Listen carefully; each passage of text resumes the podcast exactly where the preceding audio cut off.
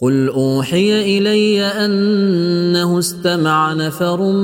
من الجن فقالوا فقالوا انا سمعنا قرانا عجبا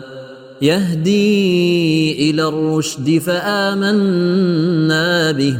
ولن نشرك بربنا احدا. وأنه تعالى جد ربنا ما اتخذ صاحبة ولا ولدا وأنه كان يقول سفيهنا على الله شططا وأنا ظننا أن لن تقول الإنس والجن على الله كذبا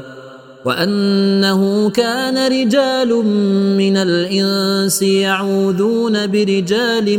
من الجن فزادوهم رهقا وأنهم ظنوا كما ظننتم أن لن يبعث الله أحدا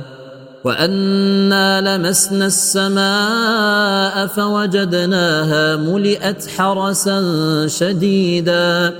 فوجدناها ملئت حرسا شديدا وشهبا